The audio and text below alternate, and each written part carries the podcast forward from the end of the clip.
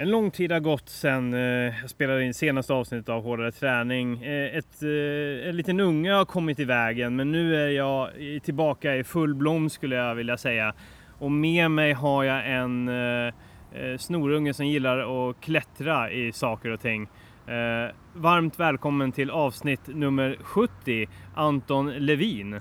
Tack så jättemycket och det lät nästan som en presentation av ditt nyfödda barn först men eh, ja, jag är också en snorunge som gillar att klättra. Ja, helt klart.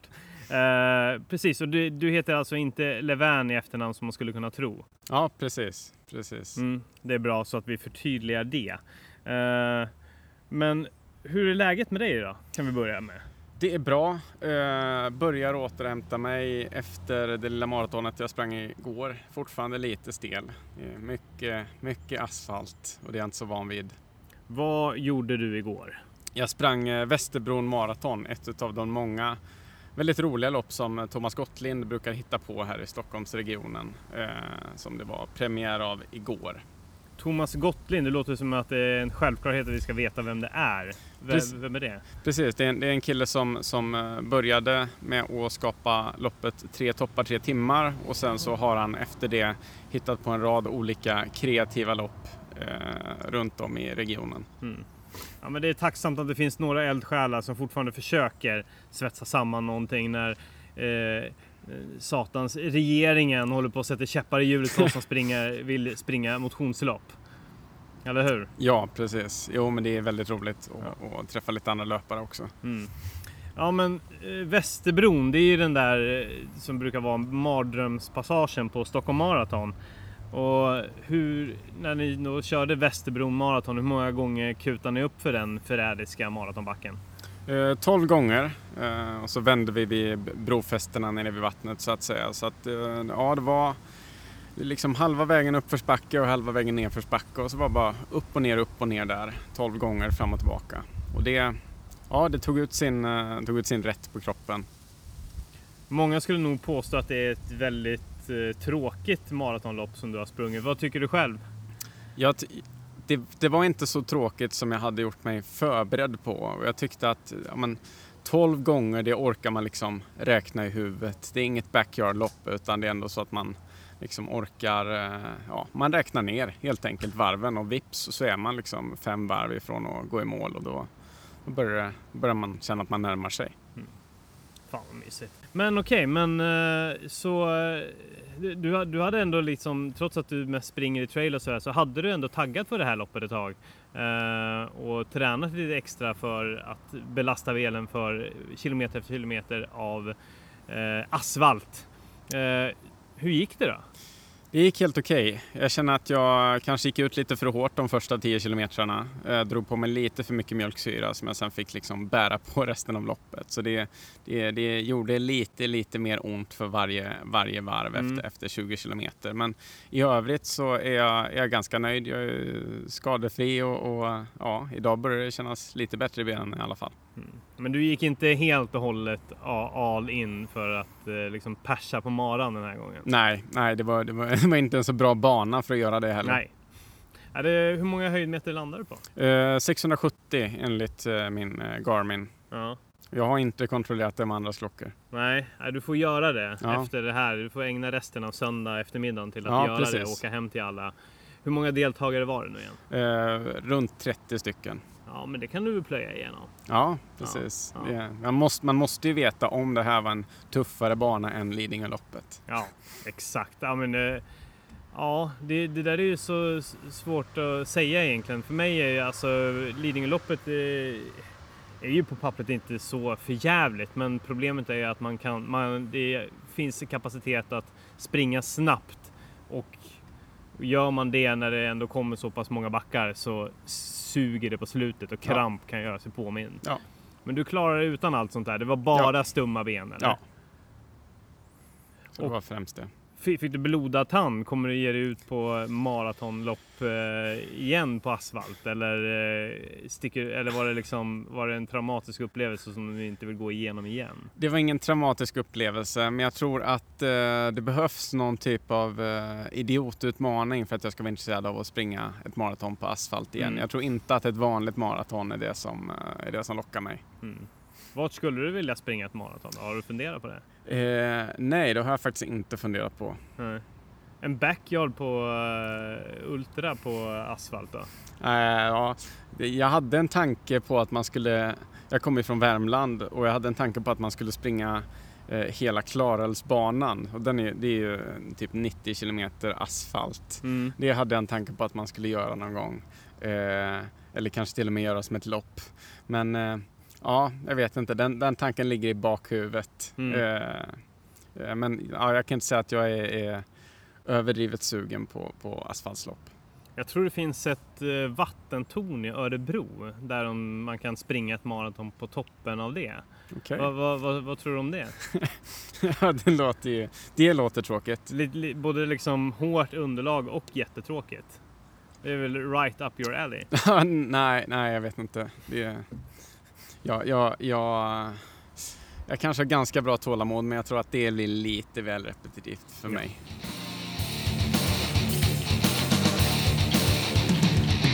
På tal om repetitivt, för, första gången du och jag träffades så var ju när vi skulle ta oss upp för Ammarbybacken 26 gånger, eller Ja. vad fan var det? Ja, precis. Det var något välgörenhetsevent för eh, Amazonas regnskogar. Ja, precis. Och eh, där startavgiften gick till att Ja, till en förening. Jag kommer inte ihåg vilken förening det var. Ja, Amazonas regnskogar Ja, vi, Ja. vi, vi kör på det. Men eh, då träffades vi i alla fall och du eh, sprang ju på där med dina stavar. Det märktes att du har gjort det här förr liksom. Eh, du gillar ändå att ta dig eh, uppåt. Ja, precis. Det, det är min, eh, vad ska man säga, huvudsport lite. Eh, att eh, ta mig upp för berg, helt Ja. enkelt. Ja. Och visst fan har du varit iväg och klättrat som en stolle nu här i... Hur, hur länge sedan var det nu? Det var bara ett par, tre månader sedan eller? Ja, den 24 juni så åkte jag hemifrån och så kom jag inte hem förrän den 24 juli igen. Ja. Eh, eh, ja, så ja, ganska nyligen. Det var några toppar ni skulle ta upp för. Hur många toppar var det? Ja, precis. Eh, och om det tvistar väl de lärde egentligen, men eh, 12 Ja. eller 13 beroende på hur man räknar. Okej. Eh, och det är då alla Sveriges 2000 meter höga fjälltoppar. Eh, För en novis som jag så trodde jag att det typ bara var Kebnekaise som var över 2000 höjdmeter, men det finns alltså fler. Ja, precis. Och det, det är väl ungefär, de täcker väl ungefär hälften av de lappländska fjällen liksom i, i, i hur utspridda de är. Så det är en ganska stor, eh, ett ganska stort område som de finns i. Mm. Och hur föddes den här idén? Ja, alltså min huvudplan från början det var ju att jag skulle åka till Elbrus i sommar i Ryssland och, bestiga det som då är Europas högsta berg. Och sen så resten av sommaren så skulle jag bara hänga i Alperna liksom och klä, klättra. Mm. Eh, men sen så kom ju Corona och, och då fick jag och då Emma Svensson börja planera en liten, en liten B-plan. Hon skulle också liksom varit ute och rest och klättrat. Eh, och då blev det här plan B helt enkelt. Och desto närmare vi kom desto mer såg det ut som att det här var den liksom, planen vi fick gå på. Så då bestämde vi oss för att köra på det. Sen så öppnades ju gränserna 15 eh, juli eller något sånt där. Men, men eh, vi tänkte att vi har kommit så långt i våra planer så vi kör på. Det här blir ett Mm. coolt äventyr. Mm.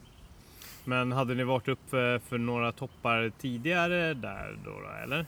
Eller, Ja. var, eller var det första gången ni började klättra där? Nej, alltså både jag och Emma har ju varit uppe på Kebnekaise tidigare till exempel och, och eh, jag, har, jag har gjort ett försök på eh, Kaskasatjokka en gång också. Eh, som det, det, var, jag fick avbryta det för att jag inte hade en regnjacka helt Okej. enkelt. Det, Det, var ju, väder- det lät ju som Ja. ett riktigt jävla nybörjarmisstag. Ja, precis. Jo, men det jag glömde faktiskt den, så det, det var bara rent slarv av Mm. mig.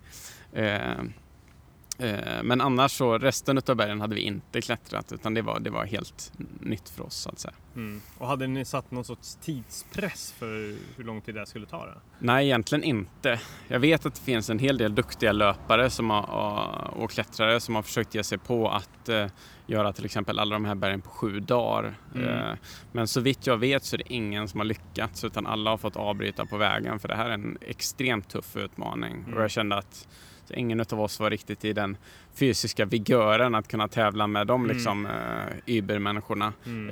Eh, men däremot att vi skulle kunna göra det för att vi är ganska duktiga klättrare och, och Ja. uthålliga så att vi, vi, vi planerade för att, göra det i vår egen takt och eh, ja, ha kul. Mm. Men jag såg något, eh, ett av Instagram-inläggen att det, det, det tuffaste var kanske inte att göra själva klättringen men att det, det var en det, var en, det är en liten pers att ta sig till alla de här platserna också. Det är inte bara liksom att, att, att bränna av dit med, med Ford Fiestan och, och börja knata uppåt. Nej, precis. Utan det är väl ett äventyr i sig att överhuvudtaget ta sig till dem. Ja, alltså Sarek som vi var i de första åtta dagarna och då eh, vad heter det, södra delen av Stora Sjöfallets nationalpark. Eh, inklusive topparna så gjorde vi på åtta dagar ungefär 17 mil liksom hiking mm. och åt, mellan 7 och 8 tusen höjdmeter. Eh, och det är liksom en packning och allt och man måste göra vad. Vi hade en älv som, eh, där man normalt brukar lägga ut en sommarbro eh, för att folk ska kunna passera. Mm. Men vi var där en vecka för tidigt så det fanns ingen sommarbro. Okay. Så då fick vi genomföra ett vad där vattnet gick upp till midjan, midjan och ett om vi hade om vi hade fallit i där så hade det gått väldigt, väldigt illa kan jag säga. Ja. Så det kände, det var, det var läskigt. Ja, ja precis. Och hur, hur långt var ni från närmsta liksom, civilisation då, måste säga? Ja, då var vi ju liksom mitt i nationalparken så att då var vi ju långt ifrån närmsta civilisation. Däremot mm. fanns det en eh, sån här SOS-stuga i närheten mm. Eh, där man kunde ringa till fjällräddningen. Mm. Ja, men det är väl mycket så, alltså vädret som kan sätta käppar i hjulet för sånt där. Det är väl det som kanske blir det största motståndet också. Ja. Och att liksom, ja. Men eh, vad, vad stötte ni på för djävulskap under den här då? Som var, fanns det någon gång där du var nära på att liksom, nu skiter vi i det här? Egentligen inte, men eh, det, det var ju ändå mycket jävelskap man stötte på. Alltså, eh, bland annat just det vadet, det var ju liksom mm. en, en, en jädra utmaning. Sen när vi, när vi skulle bestiga Akka, eh, som är ett, eh, ett fjäll som ligger precis eh, mitt i Stora Sjöfallets nationalpark. Det var liksom det första fjället vi skulle, vi skulle ta oss över innan vi kom in i civilisationen igen. Mm. Eh, då ligger vi i en renvaktarstuga och väntar ut en storm och så börjar liksom vinden mojna lite och vi bara klockan två på eftermiddagen så säger vi ja men vi kör. Liksom, då har vi väntat hela morgonen och så börjar det spricka upp lite, lite, lite. Så vi ger oss ut och på liksom på 1700 meters höjd ungefär så börjar det börjar liksom snöa igen och blåsa ordentligt och, och, och sådär och Emmas fötter är kalla så jag får mm. värma dem i mina armhålor. Mm. Eh, det är liksom gam, gammalt militärknep yes, liksom. Ja. ja. det är inte så ofta man behöver ta till det men där så var hennes fötter riktigt kalla så det, mm. det fick ju liksom liv, liv i dem igen och sen när vi kommer upp på toppen då är det ju alltså jag misstänker att det var åtminstone 10 minus. En, alltså en rejäl köldeffekt. Mitt, mitt skägg frös. Mm. Eh, våra skor såg liksom, vi hade trail löparskor hel, ja. hela, hela vägen och, och skorna såg ut som eh, liksom eh, kängor för det var så mycket snö som hade fryst ja, på dem och byxorna var ju helt liksom som papier-maché, liksom helt stela. Eh, så då, då kände man att okej, okay, här behöver vi vara snabba mm. och ta oss ner i värmen igen för vi, liksom, vi hade ju kläder men det var ändå så att vi kommer bli kalla och förfrysa oss om vi stannar här mm. för länge. Mm. Så det var ju lite sån här den typen av, av, eh, tillfällen som, som eh, fjällen kastade mot oss mm. där man liksom fick, fick skärpa sig och, och vara lite fokuserad. Mm, mm. Jag är lite nyfiken på var, varför gör man ett val att köra trailskor när man ska ut i sån jävlig terräng? Är det, finns det några fördelar i snabbhet, flexibilitet och hur det torkar eller vad, vad, varför gjorde ni så? Ja, precis. Eh, del, dels så sparar man ju tycker, låt säga 400 gram mm. per fot liksom mm. varje gång du lyfter foten och ska uppför. Mm. Så du sparar ju väldigt mycket energi eh, och du rör dig snabbare. Mm. Jag tycker att jag får bättre grepp, eh, speciellt på blöt klippa med mm. skor än ett par kängor. Och dessutom så i och med att vi kanske gjorde Vissa dagar kanske vi gjorde fem, sex vad. Eh, mm. då kan vi liksom inte stanna och byta skor eh, mm. fem, sex gånger. Det hade ju tagit minst en timme extra tid. Ja. Eh, och, så då vill man ju ha skor som torkar fort liksom, och då är trailskor jävligt smidigt. Mm. Och ja, nej, men jag tyckte det var jävligt gött att ha och mycket bekvämare också. Mm. Mycket mjukare sulor. Det här, det här är fantastiskt för mig att höra det här. För min flickvän tjatar jämt, jämt om att jag måste skaffa ett par kängor för när vi ska fjällvandra och liknande. Jag bara, nej men jag tar mina trailskor. Hon blir tokig varje gång jag säger det. Men det, men det, det här är alltså ett betyg. Du skulle säga att det är smartare av mig att köra på mina feta trailskor, eller hur? Ja, det tycker jag. Men däremot så, man måste ju mentalt vara beredd på att, alltså vi hade ju blöta fötter i åtta dagar. Mm. Så man måste ju liksom, man, man bara... ja, man måste ju sköta sin fotvård. Och det, det är väl lite som på ett trail-lopp att det är bara att sikta på den där första vattenpölen och Mm. se till att bli blöt från början så man slipper springa runt och akta sig för Mm. vattenpölarna. För att eh, i Sarek då är, blir det blöt överallt. Det är bara att- att leva med. Ja, eh, så se till att liksom torka fötterna på, på kvällen om man vet att man lätt spricker upp så får man ju smörja in dem och sådär. Jag brukar aldrig ha problem med sånt så jag kan ju bara ta mina strumpor och så är det bra. Liksom. Mm, Men, mm. men eh, en del... Vissa lite En, mindre flyt. ja, precis. Ja, men eh, jag tror att alla här vill prata lite grann mer om fotvård. Eh, eller höra oss prata lite mer om fotvård.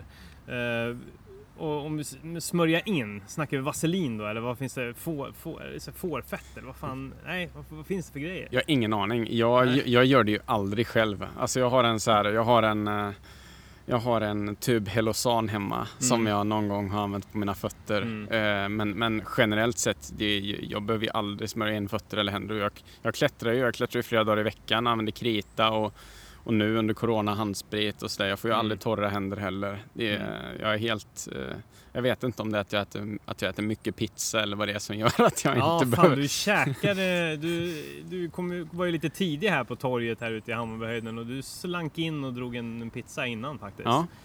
Hur mycket pizza blir det då? För att ta Eh, ett, verkligen ett sidospår från Ja, fötterna. precis. Nej, men jag, försöker, jag försöker sikta på en pizza i veckan. Det, Ja. det tror jag är bra för hälsan. Ja, men det tror jag med. Jag är också så här.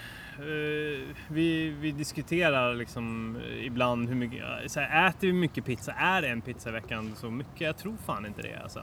Det känner, känner man ju vissa som äter pizza en gång i månaden och tycker att man är sjuk i huvudet Ja. som äter pizza varje helg. Men jag tycker fan inte att det är några Nej. konstigheter. Nej. Det känns rimligt liksom. Ja, precis. Man, har ju, man, har ju, man måste ju ersätta eh, vet du det, all glukos i musklerna och då behöver man ju Mm. det här vita, de här vita fina kolhydraterna som Mm. pizzabotten erbjuder. Ja, exakt. Men eh, då med andra ord, ni hade ett gäng pizzakartonger i packningen?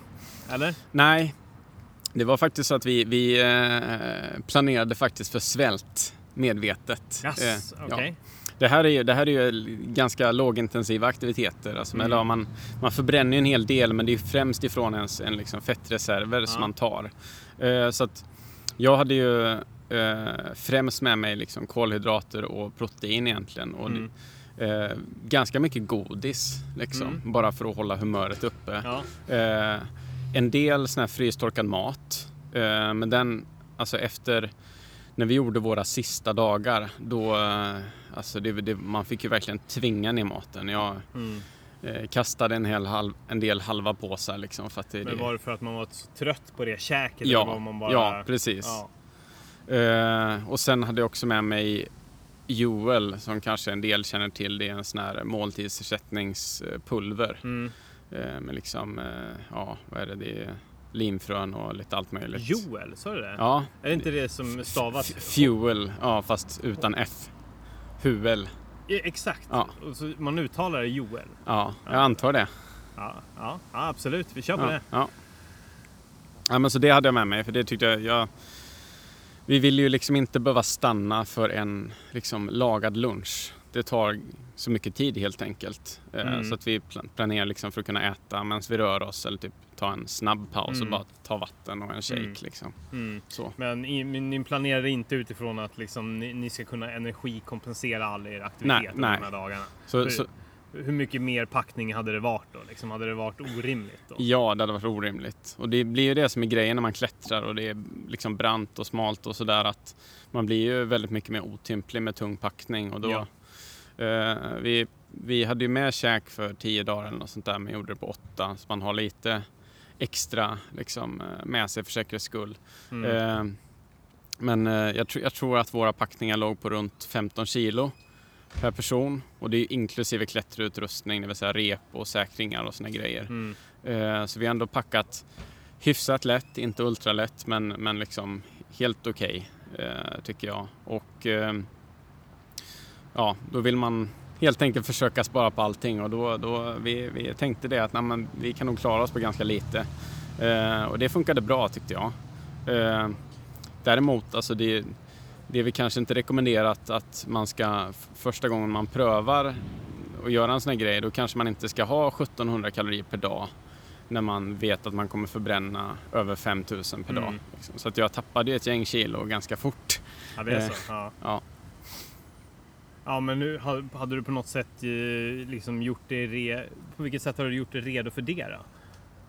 Har du tränat på liksom low, eh, liksom? Jag, alltså jag, jag tränar väldigt mycket på tom mage Ja, och eh, ja, men är van vid att fjällvandra med, med väldigt lite energi Ja. per dag helt enkelt. Ja. Jag är van vid att gå ner några kilo varje gång jag Ja. har varit ute och fjällvandrat. Liksom. ja.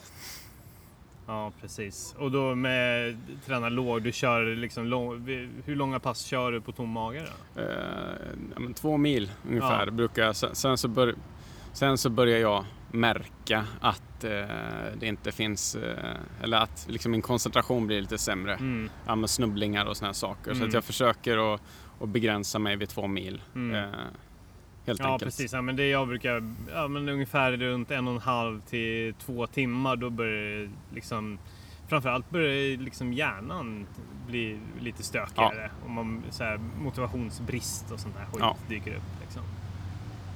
Ja, ja, men spännande. Alltså planerad svält, ja, det, det, det, det, det var ju intressant. Liksom. Men det, så är det väl. Ni, liksom, ni, det var ju inte så att ni kunde knata in på närmsta butik och hålla på och köpa massa grejer. Nej, precis. Nej, nej. Sen efter, efter Sarek, då hade vi ju fyra dagar i Kiruna och då käkade vi upp oss rejält. då var det är liksom... klart. Men då är det bara att duka upp Ja. allt man kommer åt. Ja. Liksom. Shit. Men eh, har ni någon aning om hur mycket liksom, kalorier ni förbrände per dag medan ni höll på? Ja, men någonstans runt, runt eh, mellan 5 och 6 tusen. Ja. Och fick i er runt 2-3 tusen eller per dag? Ja, under två. Under så. Jag tror det- Kanske någon dag liksom un, runt 2,5 som Ja. max liksom. Ja. Ja. Men hur, eh, hur påverkade det? eh, Hur, under hur lång tid höll ni på förresten? Det var... Många- Först gjorde, först, först gjorde vi åtta dagar och sen så hade vi fyra dagar i Kiruna där vi väntade för att Emmas pojkvän skulle komma upp och så skulle vi hänga vid Kebnekaise lite innan vi ja, fortsatte. ja. Eh, och sen så hade vi väl eh, typ fem dagar efter Kebnekaise också. Mm. Typ. Mm. Eh, så det var väl de första åtta dagarna som var hårdast. Mm. Eh, men men eh, sen även, även den, man kan säga den näst sista dagen var jävligt tuff också. Mm. Eh, det, var, det var bara en... eh, Det var så här, vi, hade, vi hade varit uppe på Kaskasapakte som är den mest svårbestigna av alla 2000 meters toppar i Sverige. Mm. Det är också ett av Sveriges mest svårbestigna berg för det finns liksom ingen promenadväg upp utan alla vägar behöver man klättra Ja, okej. eller röra sig i extremt lös terräng. Det, liksom, Mm. det kan vara stenras och, och såna här saker.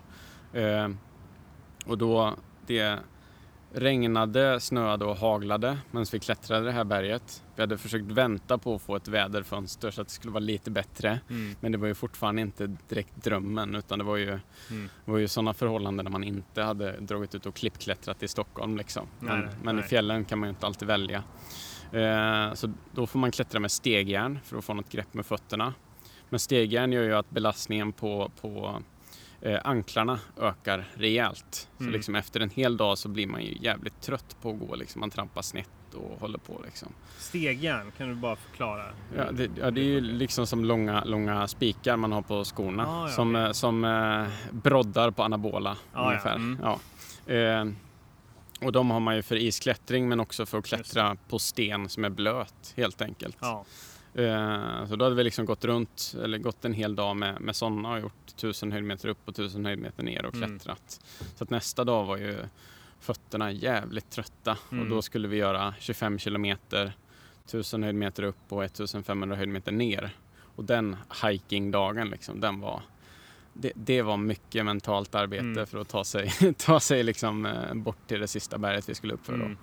Hur, hur, märker man, eh, hur märker man på dig att eh, det börjar vara risigt? Liksom, vad, hur, hur agerar du? Håller du käften eller, eller Ja. blir du bråkig eller vad, vad händer? Nej, jag, jag, jag, jag, är ganska tyst utav mig så när det kommer till, jag, jag sväljer smärtan så. Mm. Eh, Så jag delar inte med mig utav den. Men jag, jag kanske blir lite mindre social. Å andra Mm. sidan, det skulle man kunna säga gör mig hyfsat normal för annars pratar jag ganska, på ganska bra när man är ute. Så. Mm, mm. Eh, Men ja, jag, tror, jag tror man märker det väl främst på farten kanske. Ja. Eh, ja.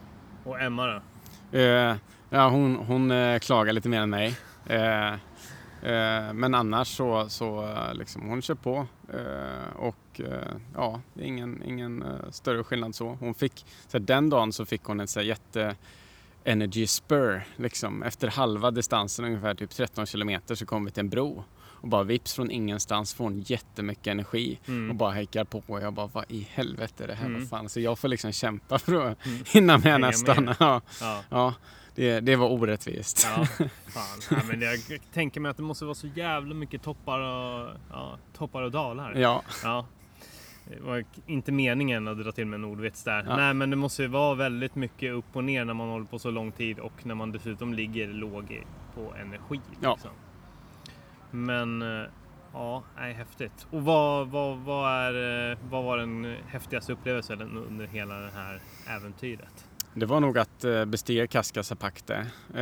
För det, det, ja, men det kändes jävligt mäktigt för att det, det är en så pass stor liksom, check i liksom, grejerna man vill göra. Alltså, inom svensk klättring i Sverige så är det liksom en av de här liksom, coola grejerna man vill liksom Mm. checka av. Så det kändes jävligt eh, mäktigt.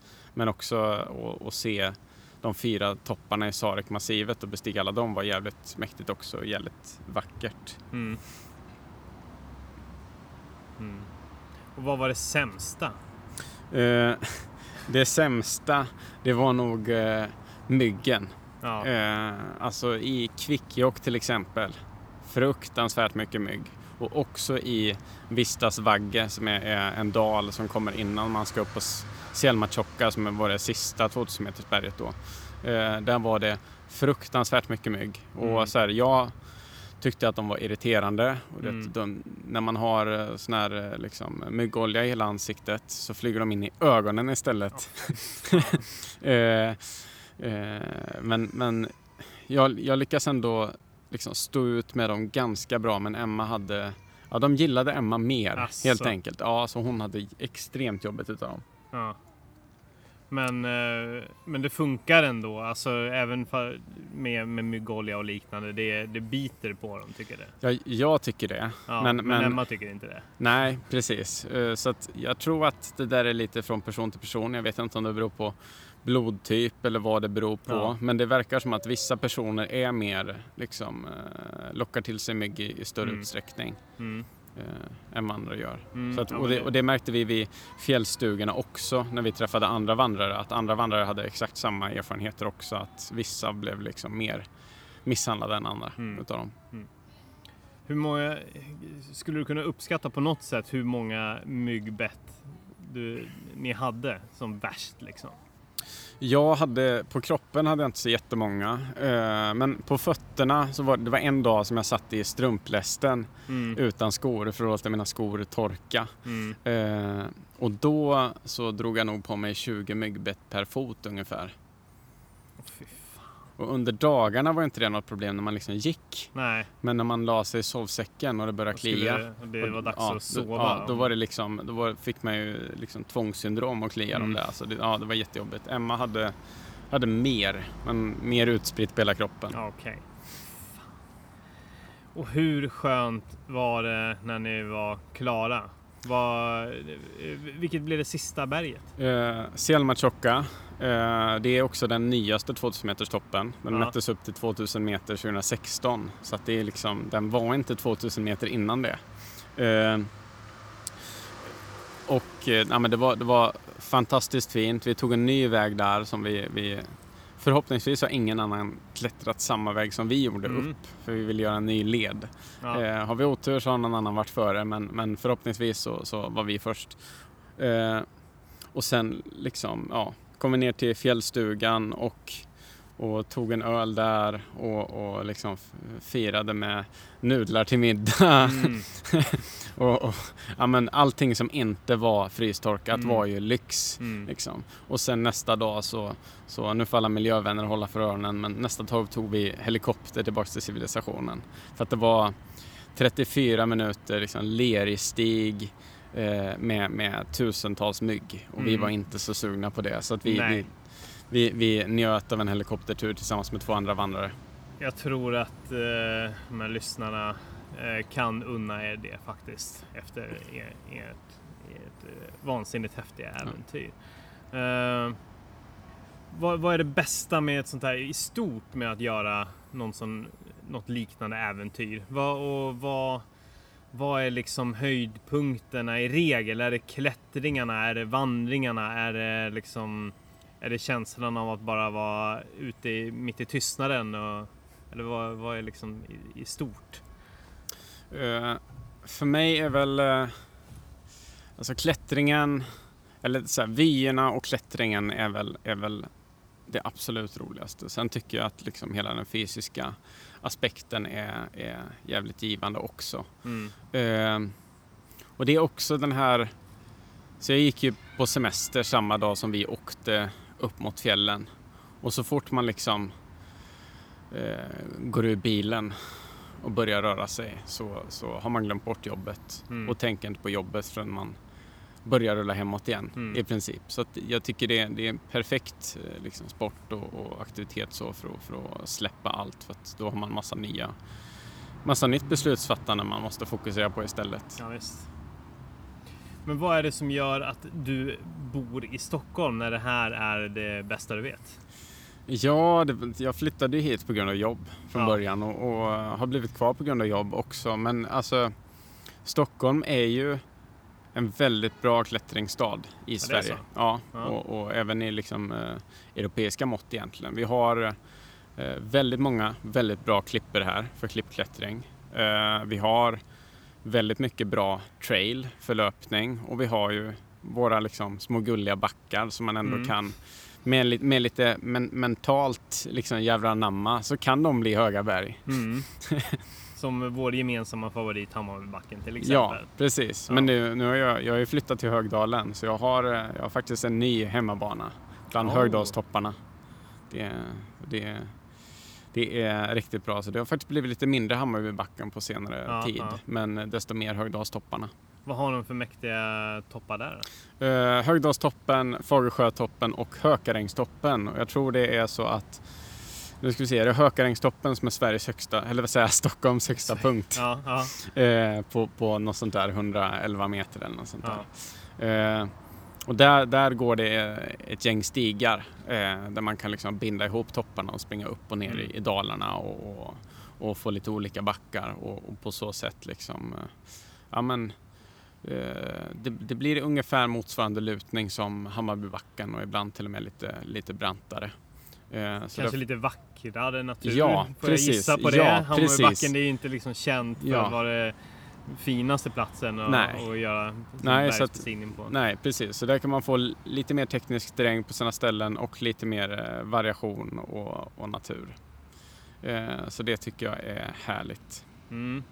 När min eh, skräpfot har repat sig så får du gärna ta ut mig på eh, lite äventyr där Ja, eh, i området så vi får kuta upp för de där Ja. backarna några gånger. det gör jag gärna. Ja. Men med det sagt så är jag lite nyfiken på din träning för att klara av de här sjuka utmaningarna. Jag, har ju, jag har, har ju lite koll. Vi har ju faktiskt eh, gjort, sprungit ganska långt tillsammans också. När vi började i Nynäshamn en solig lördagmorgon, eller söndagmorgon kanske det var. Det spelar ingen roll. Eh, och tog oss in till eh, Hammarbybacken. Ja, du, du hoppade av efter fem mil för du tyckte att det var nog, vilket jag tycker att du gjorde rätt val för det var ett helvete de efterföljande fem milen. Eh, men sen ser jag också, det, det är mycket tragglande upp för långa backar. Det är mycket att du har ditt egna lilla hemmagym där också, eller klättervägg som du har Ja, byggt. precis. Ja, kan, du, kan vi inte liksom... Eh, vad, vad är grunden i din eh, träning skulle du säga? Ja, man kan väl säga att de, de, liksom mina två huvudsporter det är ju liksom traillöpning och klättring. Mm. Eh, och sen så, så kombinerar jag ju det med ett, ett uh, styrketräningsprogram väldigt mycket in, inspirerat utav uh, Eh, två, två stycken, eh, ja, en alpinist och en tränare som heter Steve House och Scott mm. Johnston som har skrivit en bok som heter Training for the New Alpinism. Och så har de en mm. uppföljare som heter Training for the Uphill Athlete som jag kan tänka mig är väldigt intressant för många löpare där ute som vill springa bergslopp och sådär. Mm. Eh, mm. Boktips, bra där. Ja. Du får slänga in ett par länkar i poddbeskrivningen där sen. Absolut, mm. så att, nej, men jag försöker fokusera på eh, träna ganska mycket core, eh, mm. core-styrka. Eh, och sen är väl eh, liksom fördelat över säsongen försöker jag få eh, så mycket höjdmeter som möjligt. Mm. Eh, och det är, det är alltid en kamp mellan, mellan eh, vad, vad som är roligt mm. och inte. För ibland, ibland kan det kännas jävligt monotont att köra mm. samma bana liksom hundratals gånger. Det är nackdelen med att bo i Stockholm, att, att man liksom inte har fina fjäll att springa på. Men mm. eh, just nu ligger jag väl på, på sådär 1500 höjdmeter i veckan eh, mm. och det kommer liksom öka under säsongen. Så att i, i eh, ja, men i vår så kommer jag väl ligga runt 3000-3500 höjdmeter i veckan. Mm. Eh, eller kanske ännu mer. Det får vi mm. se.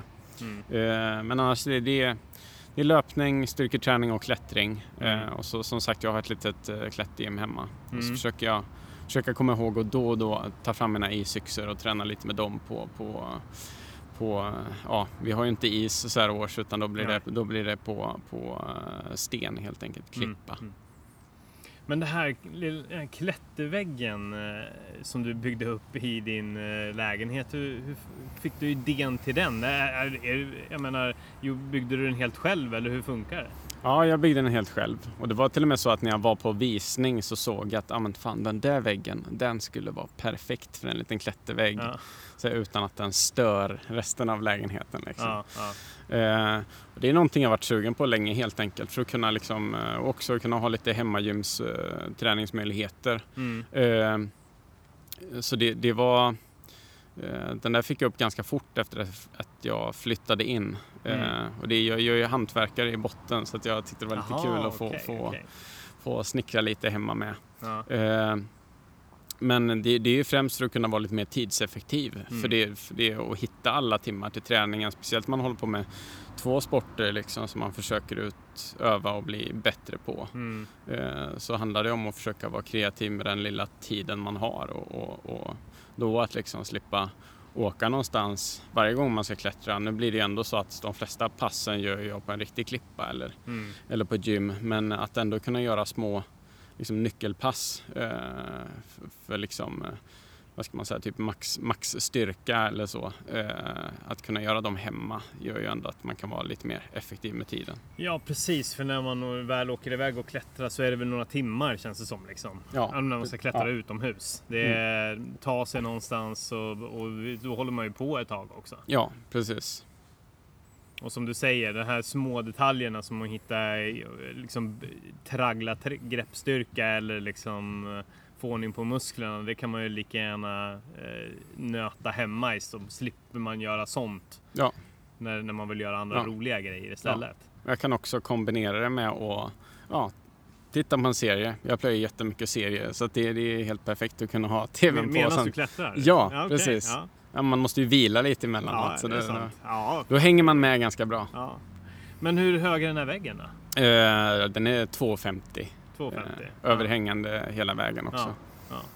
Och så upp och ner, upp och ner. Ja, eller? precis. Men det är främst att eh, jag försöker bygga, bygga så att säga lederna så tuffa så att man inte ska orka göra så mycket mer än ett par förflyttningar innan man liksom blir jävligt trött. Ja. Man kan se det som liksom sprintintervaller. Ja, ja, det är liksom motsvarigheten till det eh, inom klättringen. Så här handlar det om att kunna göra en, två förflyttningar och sen så ska man liksom vara slut. Mm. Eh, eh, ja. Smart. Jag är faktiskt på väg att uh, sätta upp mitt egna lilla uh, hemmagym uh, i den med, inspirerad av den ädla spotten OCR som jag vet du älskar så Nej men jag ska köra upp två krokar i taket. Ja. och sen så har jag köpt typ klot och så här L-grepp, alltså som bara Ja. går Ja, nu, nu, liksom, nu ser inte ni vad ni, jag gör. Men alltså, Som ett L. Ja, precis. Där man kör med, kan lyfta sig upp i fingertopparna. Bara två stycken så här stål... Cri- crimp skulle man väl kalla det kanske. Vad heter det? En crimp kanske. Ja, Ja. typ. Är, det, är det någonting, är det ett ord i klätterterm? Ja, ja, precis. Ja, precis. Och sen eh, två rep bara. Mm. Alltså korta rep. Och eh, två, vad ska man säga, nunchaksgrepp. Ja, Ja, klassiska OCR-grepp. Ja. Som jag tänker att jag ska typ göra lite grann samma sak som du. Kul. Eh, ja, men det, jag menar, det sparar ju tid och eh, den där tråkiga grejen, alltså det här nötandet som ändå krävs för att bygga upp den här styrkan. Mm. Det kan man ju som sagt bara göra lite grann hemma liksom. Och då måste jag, måste jag bara fråga, har du, har du prövat så här att att, ja, klättra upp för ett rep någon gång? Alltså ett sånt här tjockt rep som de kanske har på de här OCR-gymmen du hänger på. Ja, ja absolut. Använder Ja. du bena? Eh, ja, Eller- det, ja, det gör jag. Okej, kan du göra det utan? Ja, jo, en Ja, bit. ja, jag, jag, mm. skulle, jag skulle nog kanske Ja. inte våga hela vägen upp Nej, liksom. nej. Det är lite halvläskigt sådär. Ja. Eh, men, men ja, det är ju bra Ja. träning också. Nej, jag Ja. testade det för första gången för en månad sedan Ja, ungefär. men jag, fan, jag tror fan jag såg någonting Ja, på Insta ja, när du gjorde ja. det. Ja. Nej, det var roligt faktiskt. Ja, Det, ja. ja. Det kanske bor en, eh, en OCR-lirare Jag, i dig. jag tror att det bor en klättrare i mig, men det gör ju att mycket av de där övningarna kanske passar mig ganska bra sen. Jag tror grund det, för det är, alla de duktiga som håller på med hinderbana klättrar ju mer än vad de tränar hinderbana. Ja. Så är det ju liksom. Ja, nej, men så det är lite spännande. Man kan ju bygga lite sånt där eh, hemma helt enkelt. Eh, men sen så, jag, jag har sett också, du, du tragglar ju mycket i backar. Ja. Du, du är ju inte speciellt rädd för att vara, göra monoto, den monotona, tråkiga träningen. Nej, Eh, hur, hur har, du, har du alltid varit liksom så stålsatt pannbensmässigt liksom för, och anpassad för att just bara det här tragglandet som krävs? Nej, det, jag, tror, alltså jag tror inte det. För att jag tänker så här, eh, i så fall så hade jag fortsatt spela World of Warcraft jävligt mycket Ja. längre. så gr- grinding liksom, Ja. som det kallades där, det var liksom, eh, det, det har jag aldrig eh, nej, jag, jag tror inte att jag har varit, eh, haft det där mentala eh, tidigare på samma sätt. Men Mm. här så tycker jag att det, ja, det är tillräckligt roligt för att fortsätta. Mm. Eh, ja, Mm. Ofta räcker det med att le lite så blir det roligare. Ja, klassiskt knep, men när det har gått riktigt jävla lång tid så är det svårt. Jag tycker Ja. inte det riktigt hjälper. Man har man ingen lust att le. Liksom. Sen på senaste tiden har jag hittat ljudböcker också. Det tycker jag hjälper. Eh, Det gör ju ändå att man, man blir lite nyfiken på hur det fortsätter och kanske inte vill sluta lyssna. Just det, ja, Eh. men du, du, traggade väl, du körde väl lite ljudbok här på Västerbro Marathon? Ja, det ja, precis. Eh, Jag lyssnade på Born to Run där som jag inte har lyssnat på tidigare. Och sen har jag Typiskt. Ja. dragit igenom hela, hela Harry Potter-serien nu senaste tiden också. Mm. Ja, fan, alltså jag tänker att det är någonting som jag kanske skulle testa att sätta igång. Jag börjar bli ganska less på alla poddar. Det är samma Ja. jävla tragglingar hela tiden. Liksom. Ja. Det tar ju liksom, nej det händer inte så jävla mycket där. Så, men om jag skulle välja en ljudbok att springa ett riktigt långt pass till, vad skulle du rekommendera då? Det, åh gud vad svårt. Förutom Born to Run, det får du inte säga. Ja, precis. Eh, det är ju jättesvårt att säga. Det är, Mm. Jag har ju eh, ett jävla solsken. Den var, den var väldigt trevlig. Eh, Alltså? Ja. Den, kan, jag- den kan jag faktiskt rekommendera. Den släpptes ju för något år sedan. Handlar om, om Ester Blenda Nordström, en av Sveriges första liksom, kvinnliga framträdande journalister och hennes eh, äventyrliga liv kan man säga. Hon, hon eh, gjorde en, ett gäng olika expeditioner eh, och, och hon wallraffade som piga och ja, hon gjorde massa roliga äventyr både i Sverige och utomlands. Så den boken kan jag rekommendera. Perfekt, då kör vi på det. Jag undrar ifall det här hörs, det här oljudet. Alltså, Det, det, det, är lite, det är inte jättehög kvalitet på det här. eh, Nej, det är någon som kör Sweet Child of Mine på elgitarr. Lite försöka- falskt också. Ja, som inåt helvete. Det här får jag dras med. Det ska jag veta. Dagarna ända. Eh, Men vi, vi låter honom hållas. Mm. Eh, Men okej. Eh, Och hur, när, om vi tänker på löpningen. Vad, Ja. På vilket sätt tränar du där då? Eh, ja, Vilken filosofi har du? Eh, trail, eh, försöka bygga på volym, inte intensitet. Mm. För att Alltså min, min, min liksom, ja, alpinismen eller klättringen bygger ju på väldigt lågintensiv Mm. eh, liksom fart och då, då, tycker, jag- då passar ju lite längre distanser och lite lägre intensitet mig ganska bra. Mm. Sen försöker jag köra lite så här eh, eh, hill sprints eller liksom, ja vad, vad säger, kallar man det på svenska? Ja, men backintervaller. Ja, precis. Ja, ja. Jag försöker köra lite, lite sånt ibland också, men då lite mer med, med långa steg främst. Eh, eh, för det har jag hört ska vara bra. Liksom. Eh, Mm. Ja, men det, det förbättrar väl framförallt ganska mycket spänst. då. Ja, precis. Ja. Eh, så det är väl ungefär vad jag gör. Sen så någon gång ja, var tredje vecka eh, kör jag väl något lite mer intensivt pass. Men, Mm. men eh, väldigt mycket liksom zon 1, zon 2 träning.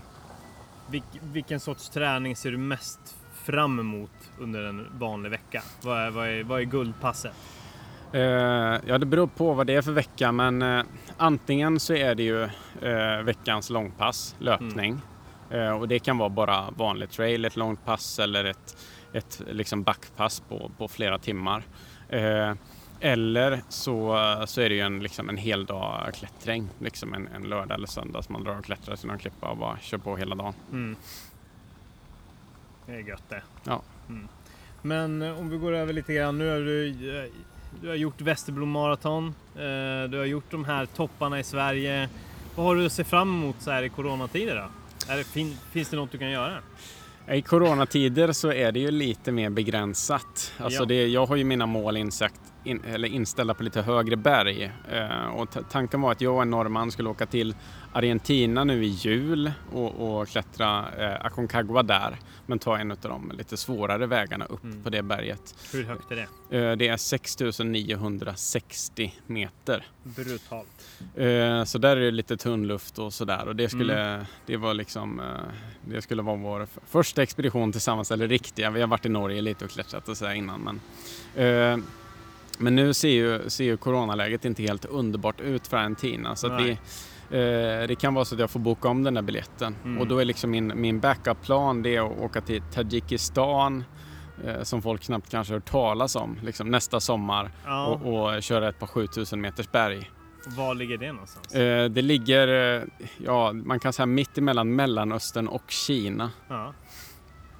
Eh, Spännande att åka dit. Ja. ja, Ja. eh, så, så det är väl liksom de, de sto, stora målen. Men, men på vägen dit så, så blir det väl att försöka ja, träna på och sen göra lite små, små roadtrips för att försöka göra det lite extra roligt så man får lite små belöningar på vägen. Ja.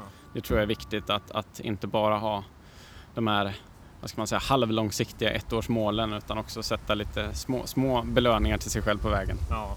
Din, dina favoritplatser för att göra något härligt äventyr här i Sverige då? Om man nu som många andra sitter fast här men vill ge sig ut och, och på, på äventyr i vårt avlånga land. Vart skulle du säga att de ska åka absolut först? Jag, ty- jag tycker att alltså, Jämtlandsfjällen är ju väldigt fint. Speciellt för eh, som löpare så kan man ju kombinera topptur med, med väldigt fin löpning där. Mm. Eh, och där finns ju alla de här liksom snashögarna och, och tväråklumparna och sådär. Ja, de har jätteroliga namn liksom. Get, Getvalen liksom. Mm. Eh, där finns ju massa fjäll att liksom springa upp på och ge, ge benen ett riktigt bra pass för dagen. Och vill, Mm. man, vill man testa lite tuffare löpning och känner sig beredd med att eh, kombinera det med lite klättring också. Om man vill som, testa hur skulle det vara att springa ett skyrace. Eh, då skulle jag testa att eh, springa upp för östra leden på Kebnekaise. Eh, jag, jag har gjort den tre gånger nu och Mm. jag kommer nog fortsätta återvända dit för att jobba på mitt personbästa lite, lite till. Vad är personbästat då? Det är eh, 2.59. Jag siktade på under tre timmar i år och jag tog det precis. Fan vad gött. Men det var, det var, det var tre dagar efter att Petter Engdahl satte nytt svenskt rekord på 1.42. Så att, Jävlar ligger ju vilken fort- fart. ja, jag ligger fortfarande i lä när det Ja. kommer till, till sådana såna, eh, omänskliga löpare. Men, men Ja. eh, ja, jag, jag spöar de guidade turerna i alla fall. Grymt. Ja, men fan, men det där låter ju som, det där låter någonting som skulle kunna vara intressant för mig också när fotjäveln är tillbaka. Kul. Ja, det siktar vi på. Men eh, Anton, jag tror att vi börjar avrunda här. Ja, Eh, Men då vill vi bara tipsa på vart man kan följa Anton och vad man kan se vad han eh, har för sig för knasiga äventyr. Även bilder på hans eh, fantastiska klätterväg i hans vardagsrum. Men också självklart på alla eh, olika äventyr som han ger sig ut på. Man följer honom på Anton eh, Levin på Instagram. ja precis. Och, och le, hur stavas ditt efternamn nu? Bara så att man inte skriver in Levin E L-E-V-I-N. Nej, precis. Utan det stavas Levein, så L-E-V-E-I-N. Viktigt. Sen kan man ju också ta och passa på att kika in din eh, härliga kumpan på det här eh, otroliga äventyr. Eh, Em, Emmas, Emma Svensson. Emma Svensson foto är det va? Ja, Nej, precis. Emma ja, Svensson foto på Instagram. ja. Kommer ni göra något eh, härligt äventyr tillsammans då igen? Eh, jag, tror, jag tror inte det, inte nu uh, inom, inom uh, vad heter det, närtid. Däremot hon är ju nere i Alperna och siktar på att nu snart påbörja ett projekt där de ska bestiga alla Alpernas uh, 4000 meters toppar på ett år. Och då, och då kan det vara så att jag, jag hakar på, på på någon ett eh, topp där i, i vår kanske. Det får vi se. Spännande. Men eh, Anton, tack för att du ville vara med i podden. Och eh, snart tycker jag vi ses i Högdalsbackarna där, eller hur? Ja, För det gör lite vi. rännande. Ja, det gör vi. Grymt. Ta hand om er och på återseende. Ha det så bra. Kram! Kram.